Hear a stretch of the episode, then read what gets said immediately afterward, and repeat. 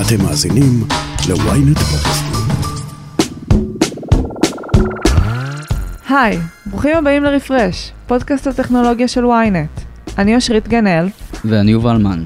היום נדבר על ההשקה החדשה של סמסונג, ונבדוק מה עובר על שוק הסמארטפונים העולמי. נבחן את ההתקדמות החדשה בתחום הבינה המלאכותית הגנרטיבית, שעוסקת ביצירת מוזיקה, וגם נדבר על הטרנד החדש בטיק טוק, שיוצא נגד משפיענים. קדימה, בואו נעשה רפרש. מה נשמע יובל? טוב, מה העניינים? אה, אני בסדר. יופי. את זוכרת שלפני שנה בערך כולם דיברו על NFT והמטאוורס? כמעט כל בית קפה שכונתי הודיע על uh, השקת קולקציה חדשה של NFTs, ואמנים הזמינו אותנו להופעות עם כרטיסי NFTs, ואנשים קנו נדל"ן במטאוורס. זוכרת את כל זה? כן, תקופה יפה. אז בינה מלאכותית. כאילו בתקופה האחרונה אני מרגיש שכולם מדברים על בינה מלאכותית, סטארט-אפים מודיעים, גם אנחנו משתמשים ב ChatGPT, כל מיני חברות מכריזות על קמפיינים פרסומיים שמבוססים על מחוללי תמונות. אה, אז זה מרגיש לי שוב כאילו אותו הייפ חוזר רק עם שם אחר. כן, אני חושבת שבעצם אה, בינה מלאכותית זה AI, זה buzzword כבר הרבה שנים, בעצם שאנחנו רואים אה, אנשים משתמשים בבאזוורד הזאת בלי באמת תמיד להבין, או בלי באמת שבהכרח המוצר שלהם באמת משתמש בבינה מלאכותית. אבל לאחרונה, עם כל עליית הבינה המלאכותית הגנרטיבית, היוצרת, זה באמת קיבל איזה בוסט כזה חדש. אה, וכן, אין ספק שזה הטרנד הנוכחי. כן, אז האמת שלי נמאס לשמוע כבר על צ'אט GPT ועל AI, והשאלה המעניינת היא אם בעוד שנה נסתכל על זה ונצחק, כמו שאנחנו צוחקים היום על תופעת ה-NFT, או שנגיד וואלה, שם הכל התחיל. אני חושבת שזו תופעה עם הרבה יותר uh, פוטנציאל רחב. בעצם אה, NFT, גם בימי הזוהר שלו, אה, הסתכלנו על זה בביקורתיות מסוימת ואמרנו, אוקיי, יכול להיות שבאמת לרעיון הזה של אה, נכס וירטואלי אה, חד פעמי יש שימוש, למשל אפשר להשתמש בזה כדי לאמת זהות או לאמת מסמכים במרחבים וירטואליים, אבל לא בטוח שעכשיו באמת כל בית קפה או אפילו כל גלריה צריכה להיכנס ולהוציא NFTs, כי זה באמת למה שזה ישמר את הערך שלו. לעומת זאת, עם המודלים החדשים, אני חושבת שאנחנו עוד לא באמת מבינים איזה השפעה הולכת להיות לזה. אני חושבת שיש גם נבואות זעם בתחום הזה ש, שלא בהכרח הולכות להתממש, אבל כן יש לזה גם המון המון פוטנציאל בהמון תחומים של החיים שלנו. לגמרי, רק אפשר קצת להירגע עם השימוש בבאזוורד הזה. זה כל מה כן. שאני מבקש. בהחלט. Uh, שמעת על הקאמבק של uh, מייסדי אינסטגרם? כן, הם חוזרים עם אפליקציה חדשה, נכון? נכון, מייק קריגר וקווין סיסטרום, שבעצם אה, הם אה, מייסדי אינסטגרם, נזכיר שאינסטגרם נרכשה ב-2012 במיליארד דולר אה, על ידי מטא או פייסבוק דאז, וכעבור כמה שנים, ב-2018, שני המייסדים בעצם הודיעו על עזיבה, וזה לא כל כך פורסם בצורה רשמית מה היה שם, אבל... לפי כל מיני דיווחים מאחורי הקלעים, הם לא ממש הסתדרו בתוך האימפריה של צוקרברג, היה שם המון uh, חילוקי דעות. מערכת יחסים מאחורה למדי. כן. ועכשיו הנה הם חוזרים עם uh, אפליקציה בשם ארטיפקט, uh, שבעצם בניגוד לאינסטגרם, שבעצם הליבה שלה הוא תוכן ויזואלי, כאן מדובר בתוכן טקסטואלי, בכתבות. הרעיון זה בעצם להמליץ למשתמשים על הכתבות שהכי מעניינות אותם בפיד שלהם, אה, בין אם זה מגופי תקשורת גדולים או מבלוגים קטנים וכולי. כן, ובעצם הניסיון פה הוא בעצם ליצור מין טיקטוק, אבל בטקסט, זאת אומרת פיד שמזהה את תחומי העניין שלך ולהציג, ויציג לך את הדברים שמעניינים אותך.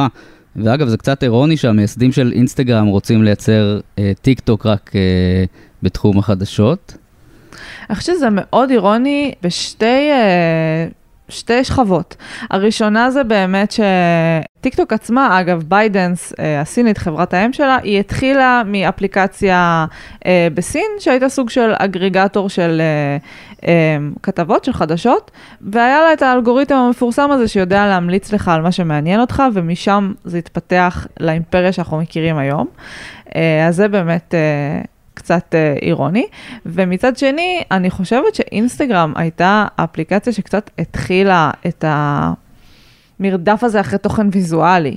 והתחיל בתמונות, היום אנחנו רואים את זה בסרטונים וכולי, אה, אז קצת להחזיר פתאום את הכבוד לטקסטים הארוכים, זה גם מעניין בעיניי. כן, שזה, שזה מגיע דווקא מהם. כן, וזה גם מעניין אם הם יצליחו, כי העולם באמת קצת אה, השתנה לכיוון הזה. אני חושב שהשאלה אם יש באמת ביקוש לאפליקציה מהסוג הזה, כי אני חושב שהחוויה הנוכחית של לקרוא מאמרים היא לא כל כך גרועה. ואנשים יודעים איפה הם uh, מוצאים את המאמרים שהם אוהבים, אני לא בטוח שאפליקציה נפרדת שעושה בדיוק את זה, זה מה שאנשים uh, מחפשים. כן, יש פה את העניין שלה, שאולי זה יעזור לגלות, לא יודעת, אם אני נורא מתעניינת באיזשהו תחום ויש איזה בלוג uh, קטן יותר שאני לא מכירה, ופתאום uh, זה ייתן לי, uh, לעזור לי לגלות את זה. אבל uh, נראה לי מעניין, מעניין לראות לאן זה הולך, והאם uh, באמת יש מקום לדבר כזה ב... בנוף הרשתות החברתיות של היום. The Galaxy S23 Ultra packs 200 million pixels in the main wide camera. סמסונג השיקו את uh, מכשירי הדגל החדשים שלהם, ומצטרף אלינו רועי האן כדי לספר לנו uh, על כל החידושים. אהלן, מה נשמע? מעניינים טוב, רועי. מה קורה? בסדר גמור. אז מה סמסונג הציגה בשבוע שעבר? אה, הסמסונג הציגה שבוע שעבר שלושה מכשירים אה, חדשים, S23, S23 פלוס ו-S23 אולטרה. אה, ובדומה לרוב הדיווחים והשמועות שהיו לפני שהמכשירים הגיעו, גם השנה באמת, רוב, רוב השמועות האמת התבררו כאן נכונות, והמכשירים באמת יחסית דומים לאלה שקדמו להם, למעט כמה שינויים מאוד מאוד קטנים. יצא לי להתעסק עם כל הסדרה החדשה. היא נראית טוב ומרגישה טוב ומרגישה גם בדיוק כמו שהרגישה S22 מבחינת הנראות והתחושה ביד, וזה מכשירים טובים. בעצם אחד החידושים היחידים אני חושב זה חיישן 200 מגה פיקסל שהגיע לדגם האולטרה, הדגם הכי יקר בסדרה, נכון? זה החידוש המשמעותי מבחינת האולטרה לפחות. בכלל, סמסונג לקחה דגש מאוד מאוד גדול על מערך צילום, שזה משהו שרוב היצרניות עושות, אה, ככל שעובר הזמן, כי הגענו לאיזשהו פיק ברמת כמה מסך מהיר יכול להיות, כמה מסך בהיר יכול להיות, כמה סוללה יכולה להיות גדולה, אז היום אה, רוב המיקוד הוא המצלמות, גם ראינו את זה באייפונים שהחליפו את החיישן שמה. אה, אז האולטרה מגיע עם חיישן 200 מגה פיקסל במקום 108 מגה פיקסל של שנה שעברה. אה, על הנייר משמעותי, אישית צילמתי כמה תמונות עם האולטרה, לא מצאתי הבדל, אתה יודע, שאתה אומר תהומי, וואו איזה מכשיר מטורף בהשוואה ל-S22, שאני דרך אגב משתמש ב-S22 אולטרה ביום יום, אז אני יודע, אני מכיר את החיישן 108 מגה פיקסל מקרוב. אה, אבל אין ספק שזה שיפור מעניין. אה, מה שיותר מעניין פה בעיקר זה העניין של אה, מעבד התמונה. נתחיל מהמעבד עצמו, שסמסונג שילבה השנה את הסנפדרגון 8 ג'ן 2 של קוואלקום. ספציפית האמת הוא בגרסה מיוחדת של סמסונג, זאת אומרת סמסונג חברה לקוואלקום והם יצרו איזשהו סיליקון ספציפי לסדרת S23 ועל פניו זה אמור להביא ביצועים יותר טובים גם בעיבוד התמונה.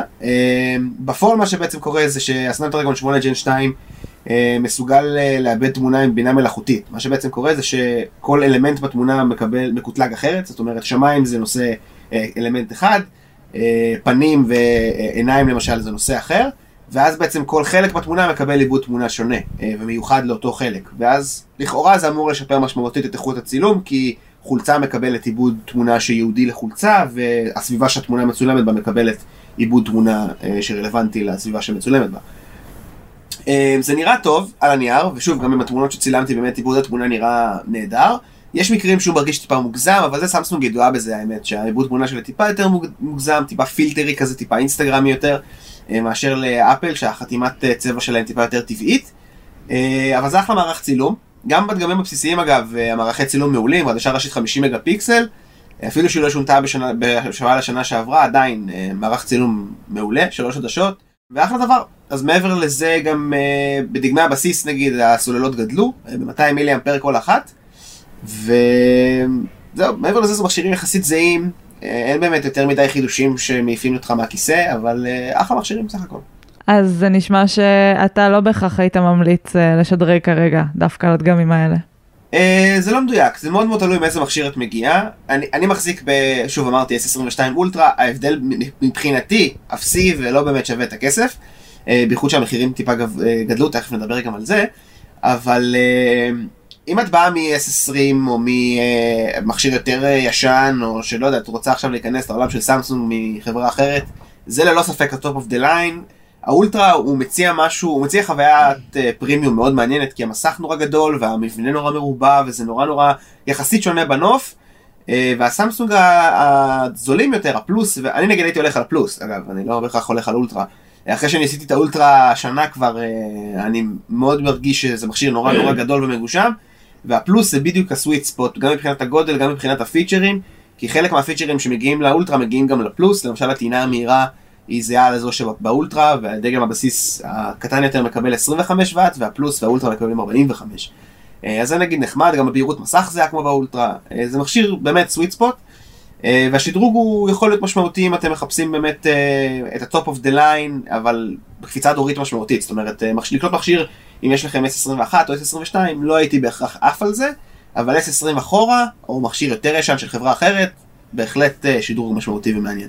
הזכרת את המחירים, מה המחירים של המכשירים בישראל באמת? כן, נתחיל מההצהרות של סמסונג, שהם דווקא אמרו שהם לא מגבירים, לא, מג, לא מעלים את המחיר, זאת אומרת, המחיר נשאר ברמת הדולר, הוא נשאר זהה לאלה של ה-S22.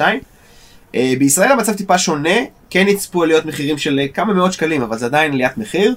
לצורך העניין, דגם הבסיס של ה-S23, עם אחסון של 128 ג'יגה בייט, מתחיל ב-3250, זה בערך המחיר, יש גם 3199, תלוי ברשת, אבל זה פחות או יותר המחיר.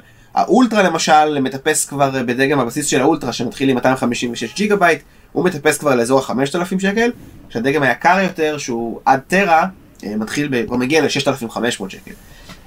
זה תג מחיר גבוה, גבוה מאוד, שווה ערך לאייפונים, אולי אפילו טיפה יותר גבוה, נגיד, אני חושב שהאולטרה יותר יקר מהפרו-מקס בטרה, אבל זה מכשירים יקרים, אין ספק, מחיר מאוד מאוד גבוה. כן, לי זה מרגיש קצת שסמסונג נרדמו בשמירה. בעצם עד לפני חצי שנה, אם היית שואל אותי, הייתי אומר שאין עוד הרבה מקום לחדש בסמארטפונים, אבל אז באה אפל עם האייפון 14 והוכיחה שאפשר לעשות דברים חדשים, כמו להוסיף תקשורת לוויינית ופיצ'ר שמזהה תאונות דרכים, וגם האי הדינמי, שזה אחד הפיצ'רים המגניבים באייפונים החדשים, וסמסונג קצת נשארה מאחור פה, לא? אז בעצם כן, השינויים המשמעותיים לרוב היו מגיעים מסמסונג אגב, זאת אומרת בשנים שקדמו ל-S23 ול-S22 הפערים והשדרוגים בין דורות היו הרבה יותר משמעותיים, עכשיו היא די מאחור, והאמת שאפילו אפל עקפה אותה כי זה בדרך כלל היה הפוך, זאת אומרת בדרך כלל השינויים הקטנים היו מגיעים באייפון ולא היית רואה פרש גדול, והשנה פתאום 48 מגה פיקסל במקום 12, ואי דינמי שהוסיפו, ומצלמות כאילו... עוד מערך צילום יותר משופר, הפרשים במעבדים עשו השנה, שדגמי הפרו קיבלו מעבד חדש והרגילים נשארו עם המעבד של שנה שעברה, אז לאט לאט הפערים גדלים גם אצל אפל, ואצל סמסונג באמת הם שומרים על איזושהי נוסחת סוס מנצח לא מחליפים כזה, מכשירים באמת באמת דומים, גם ה-S21 וה-S22 הפער היה טיפה יותר משמעותי, בין ה-S22 ל-S23 הפער כמעט לא מורגש, בייחוד אם אתה שוב מגיע מהמכשירים האלה, מה-S22.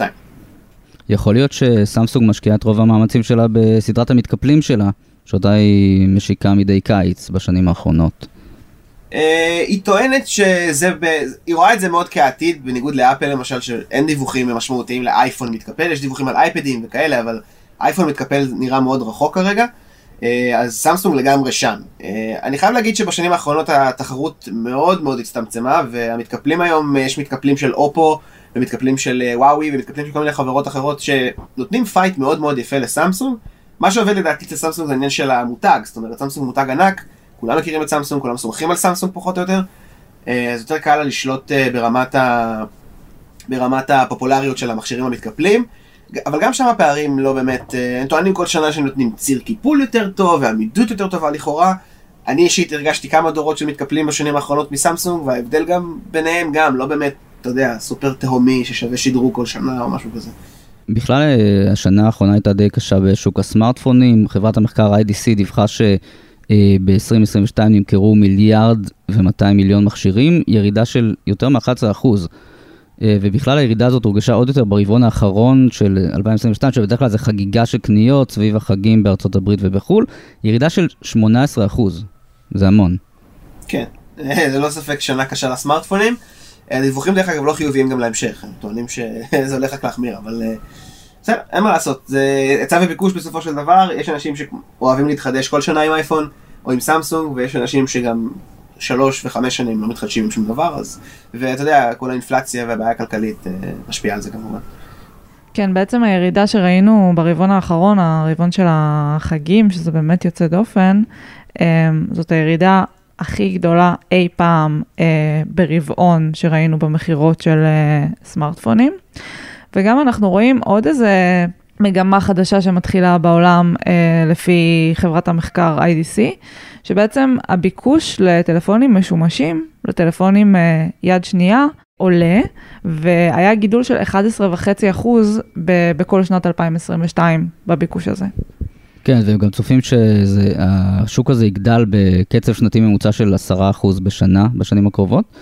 וזה נובע מכמה דברים, גם מזה שאין המון חידושים בטלפונים החדשים, כמו שדיברנו כרגע עם רועי, אה, וגם אה, זה נובע מתוכניות trade-in מאוד אגרסיביות בשווקים בצפון אמריקה ובמערב אירופה, בעצם היצרניות והספקיות מנסות לעודד אנשים לקנות מכשירי אייפון וסמסונג חדשים ויקרים, והיא בעצם משלמת להם הרבה תמורת המכשירים הקודמים שלהם.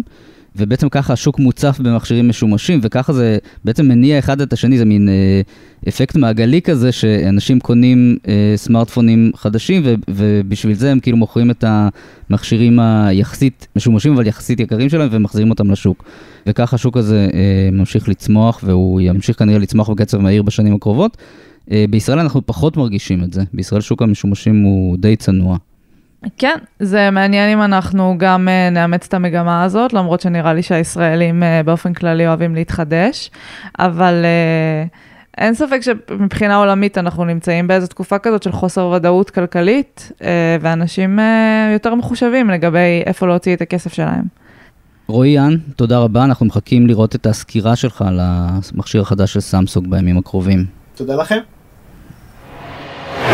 הפסקה קצרה, וכבר חוזרים. ynet רדיו, הרדיו הדיגיטלי הראשון בישראל, מחכה לכם בכל מקום ובכל זמן שתבחרו, עם נבחרת המגישים שלנו ומיטב התוכניות. ynet רדיו, להאזנה באפליקציה ובאתר ynet.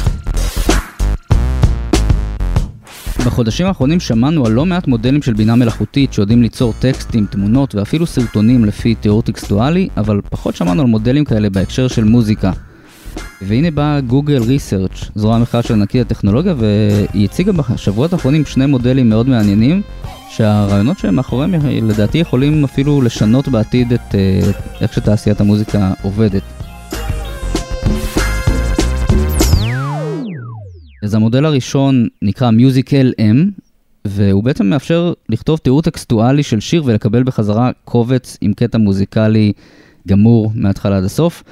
אה, בעצם אם צ'אט GPT מאפשר לכל אחד להיות סופר, דלי 2 מאפשר לכל אחד להיות צייר או מעצב, בעצם מודל כזה, אה, הוא אומנם עדיין בשלב די התחלתי, אבל יכול להפוך בעצם כל אחד מאיתנו למוזיקאי.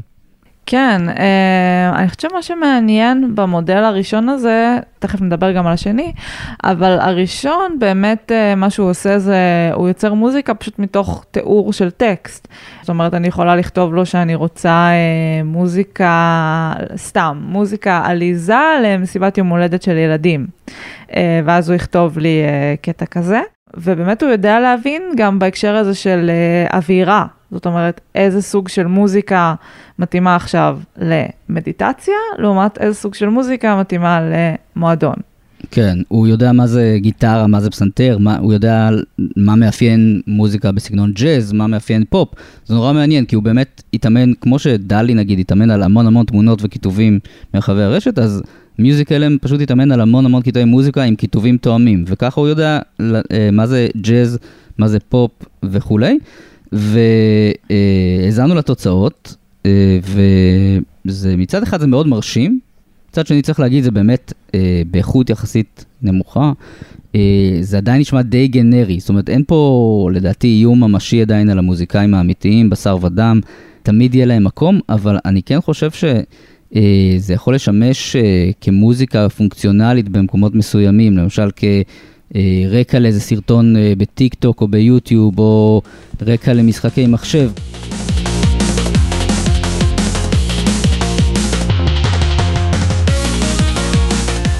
מוזיקה כזאת שבאה ומבליחה ברקע ולא לא אמנות. קשה לי לדמיין עדיין את המודלים האלה מחליפים יצירות מוזיקליות שלמות. אני חושבת שהמודל השני הוא יותר מעניין בהקשר הזה. המודל השני אה, נקרא SingSong, אה, ובעצם מה שהוא עושה זה שהוא מוסיף את הליווי המוזיקלי. זאת אומרת, אם אני עכשיו למשל שרה איזשהו קטע, אה, אז הוא יודע להוסיף לי ליווי של גיטרה, תופים, וואטאבר, שבעצם מתאים uh, לאותה מנגינה שאני שרה. When I'm gone away, uh, no one will worry. When I'm gone away, uh, no וזה לדעתי ממש יכול לעשות איזושהי דמוקרטיזציה של יצירת מוזיקה, כי כבר היום אנחנו יודעים שיש כלים אלקטרוניים שלא חייבים לדעת לנגן בכלי עצמו, אה, ואפשר דרכם אה, לעשות את האפקט של כלי מסוים. אבל פה זה אפילו מוריד את הצורך בידע בתוכנה אה, של הפקת המוזיקה שעושה את זה, ובעצם אני יכולה עכשיו להלחין איזשהו קטע ממש מהראש, בלי שיש לי בכלל ידע מוזיקלי באקורדים וכולי, וזה יוסיף לי את הליווי לזה. כן, אז באמת צריך להגיד, את המודל הקודם שדיברנו עליו, מיוזיק אלם, גוגל לא מתכוונת לשחרר, אבל דווקא את המודל הזה מדברים כן על לשחרר אותו, ואני בהחלט רואה איך זה הופך לאפליקציית להיט, או אפילו לאיזה פיצ'ר מאוד מצליח ביוטיוב שורטס למשל, פלטפורמת הסרטונים הקצרים של uh, יוטיוב. uh, כי באמת זה מאפשר לכל כוכב רשת, לכל משפיען, לכל יוצר, בעצם לשיר מה שבא לו, ופשוט להפוך את זה לשיר אמיתי. Uh, זה מאוד מגניב. אה, ובאמת אה, בגוגל, אה, החוקרים בגוגל אומרים שהם כן מתכוונים לעבוד על חוויית שימוש יותר טובה וכן לשחרר את המודל הזה בחודשים הקרובים.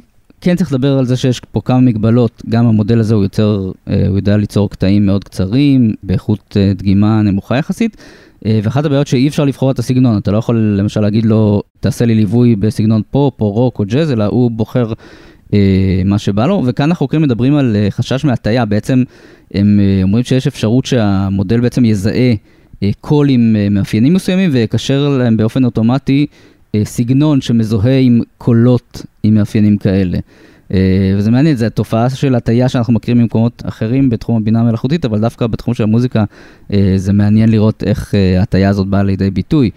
אגב, במודל הקודם, Music LM, אחת הבעיות היא ש... אחוז אחד מהיצירות שהמודל הזה יוצר בעצם נשמעות כמו יצירות קיימות, ולכן יש פה גם חשש מהפרה של זכויות יוצרים. אה, אני חושבת שבכלל כל עניין זכויות יוצרים זאת שאלה מאוד גדולה בכל הנוגע למודלים אה, גנרטיביים, כי גם אם עכשיו אני מייצרת במודל אה, שמייצר אומנות תמונה בסגנון של אומן מסוים שחי וקיים ופועל, ואני פשוט מחקה את הסגנון שלו, למי שייכת היצירה הזאת. אה, זה שאלות שלדעתי רק התחלנו לגרד את המשמעות שלהן. אבל זה יפה שפה זה כבר אה, סוג של אה, גילוי נאות מראש, שהם אומרים שזה מה שקורה. אבל אולי בהמשך הם כן ישחררו גם את המודל הזה, לא? יכול להיות. אני חושב שאנחנו ממש בימים הראשונים של המודלים האלה של בינה מלאכותית למוזיקה. אבל אנחנו נראה יותר ויותר דברים כאלה בחודשים הקרובים, בשנים הקרובות, ואין ספק שהבינה המלאכותית מגיעה גם לתעשיית המוזיקה, אה, ויהיה מאוד מעניין לראות אה, איך היא תשפיע עליה. אני חושבת שבאמת מעניין לעקוב אחרי, כי בעיניי באמת יש לזה פוטנציאל לא רק uh, ליוצרי תוכן שהם לא מוזיקאים, אלא גם לאנשים שבאמת רוצים לעשות מוזיקה, וזה יכול אולי להקל עליהם או להעשיר את היצירה שלהם.